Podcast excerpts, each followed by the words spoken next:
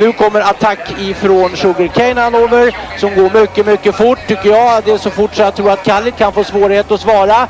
Sugarcane Hanover vänder ut och in på fältet. Startbilen är i rörelse till Svensk Travderby 1987. What the horse, what the driver, nummer ett Mac Lobel och John D. Campbell. Resultat av tredje loppet, Elitloppet SAS första försöksavdelningen. Segrare nummer sju, Marcon Lepp. Maharaja, la Suède. Maharaja s'est retrouvé. Le retour, le comeback de Maharaja, le 17. vid något tillfälle att jag trodde att det var en av de bästa hästar jag hade tränat för. Jag tolkades på olika vis. Du behöver inte misstolka det längre, för det här är den bästa häst jag har kört och tränat någon gång. Barenne, me gusta, me gusta, me gusta! Un classico, no problem! Barenne, facile, alla! Och då är det klart för start i lopp 9 V31 E3 Bonus. 11 Yes, hästar startar. Ett Bikon Bok och körs av Lars D. Karlsson. Trottosports podcast jobbar minsann på i sommarsemester Sverige. Vi tar ingen ledighet. Det här är avsnitt 285 som eh, rullar ut i, säger man i eten i de här sammanhangen? Nej, det låter fel att säga att det här är inte mycket till eter längre. Nej. Det är ju någon slags eh, något Du annat. som gammal radioman, eh, höll jag på att säga, eh, protesterar mot detta. ja, det, det, det, nej, men eter är, eter är, är det var ju något annat det. Då, Mm. då skickar man bara ut det. Nu, våra lyssnare, de lyssnar ju när de vill, hur de vill, Mm. vad de vill. Det låter bra att säga i i eten. Det, Ja, sen är frågan om någon, någon under 30 begriper vad man menar då. Det är en annan sak. Då är ju i och för sig de flesta av våra lyssnare förmodligen över 30. En fråga där nu. Ja. Så jag, så jag inte glömmer det. Magnus. Ja. Magnus. Mm? Kalle Halvarsson har alltså bytt från Sågmyra till IFK Mora. Vi, vi pratar inte om Kalle Halvarsson i Sågmyra nu mera. Nej. Nej, det, det, var, det kom ju som en bomb och den kom ju från dig Lennart. Jag hade ju missat den. Vi förberedde ju lite kalas hemma på gården så att det, det bara dök upp i min telefon att du hade skrivit det här och det blev ju... Kalaset det blev ju inställt. Ja, snudd på. Snudd på. Jag förstår Kalle, det är inte så. Men det känns ändå lite tråkigt eftersom det är ändå kul att han... Att han, han har ju inte alltid tävlat för Sågmyra heller. Han var ju med i Falun-Borlänge skidklubb heter väl den. Eh, För några år sedan också. Så att... Eh, Jag visste knappt att man bytte klubb i skidor. Nej, och det känns som det är många, många gånger är väldigt mycket på, på papper och vilken, det är klart vilket lag du tävlar i SM och sånt där men det är klart att IFK Mora är ju en, en, en mycket, mycket större skidklubb än vad, vad Sågmyra SK är. Det, det är, så är det ju. Det är ju helt andra muskler och han satsar väl på Vasaloppet vad jag förstår här också så att det... Ja. Nej, Men det men som sagt, det det var en inte- liten bomb. Det är inte bysorg i Sågmyra då i alla fall. Det tror jag inte, inte hos oss som är inflyttade. Det kan vara mer... Det är ju så, jag är så lyckligt lottad så att jag är kompis med Kalle Halvarssons farfars barndomskompis. Oj. Rune som ju liksom har lekt, lekt med, med Kalle Halvarssons eh, farfar när han var liten. Hur tog han det, då? Nej, jag har inte träffat Rune, men han, jag har sett honom vara ute och gå så att han är...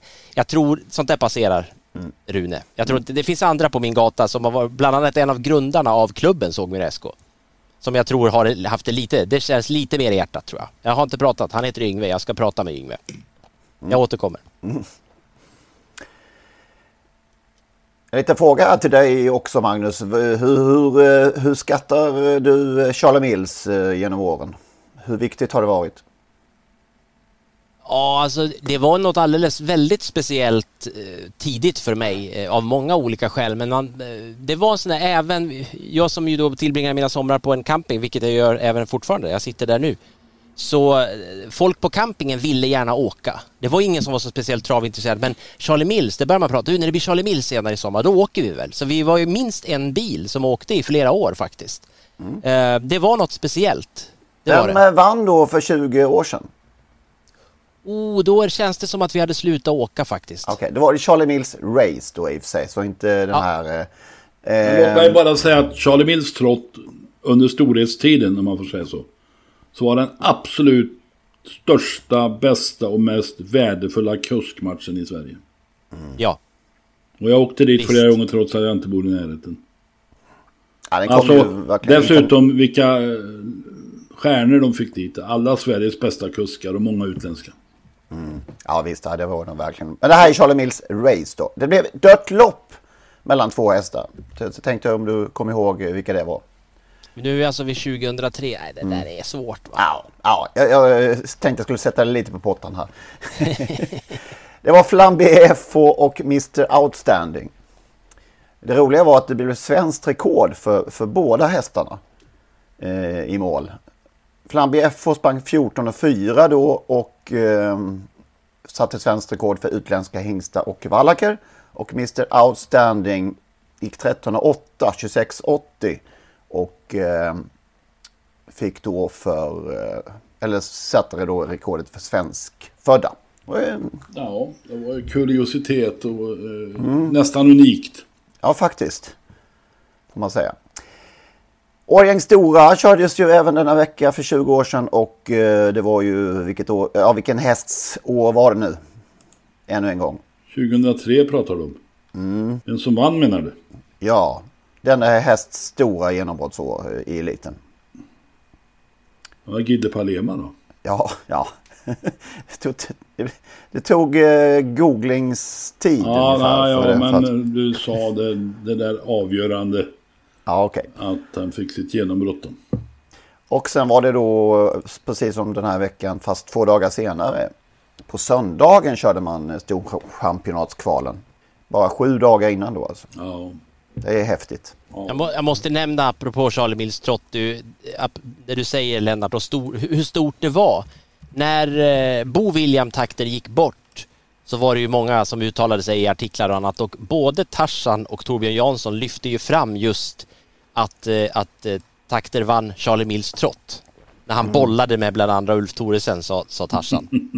Eh, så att, det, det, att man nämner det att han vann derbyt med Mikko Frippé och Charlie Mills trott på Romme, det, det säger en del. Ja, men det, det, det, det, är ju verkligen generationen för, för hela tävlingen liksom. De- Ja, så är och det, här är ju, ja, och det vi har, vi har pratat om det så många gånger, men det här är ju då tiden innan det var trav på tv annat än på lördagar på vintern.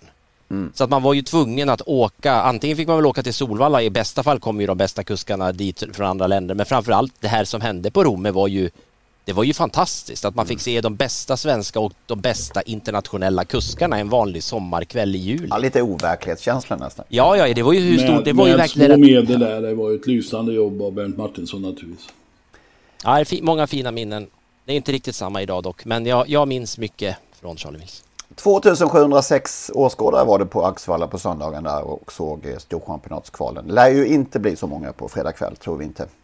Som Nej, ju, alltså i fjol så var det ju nästan tomt. eh, Spökligt tomt denna dag. Det fanns ju inte ens eh, någon kiosk att handla i. Och hästägare som kom dit som hade hästar i Storchampionatskval hade inget att äta någonstans. Nu har de... Eh, alltså de var ju väldigt... Eh, ja, bad om ursäkt tusen gånger efter fjolåret och att de hade missat det totalt. Nu, nu har de eh, gjort i ordning så att eh, det bjuds på grillbuffé för de som har hästar till start och övriga kan handla ur den här grillbuffén. Och så har de lyckats locka dit då Per Skoglund och Johan Lindberg. Att hålla låda just eh, för de hästar som äter något grillat. Ja. Blir bättre, ska vi bli bättre på att skryta lite när vi, när vi gör något eh, vettigt? I Om vårt- vad? Ja, jag tycker vi har haft flera... Där hörde ni ju den gamla klassiska, får vi säga, avslutningsslingan till Totosports podcast. Olle Ljungströms sista stråkar av Solens strålar. Frid över hans minne, Olle.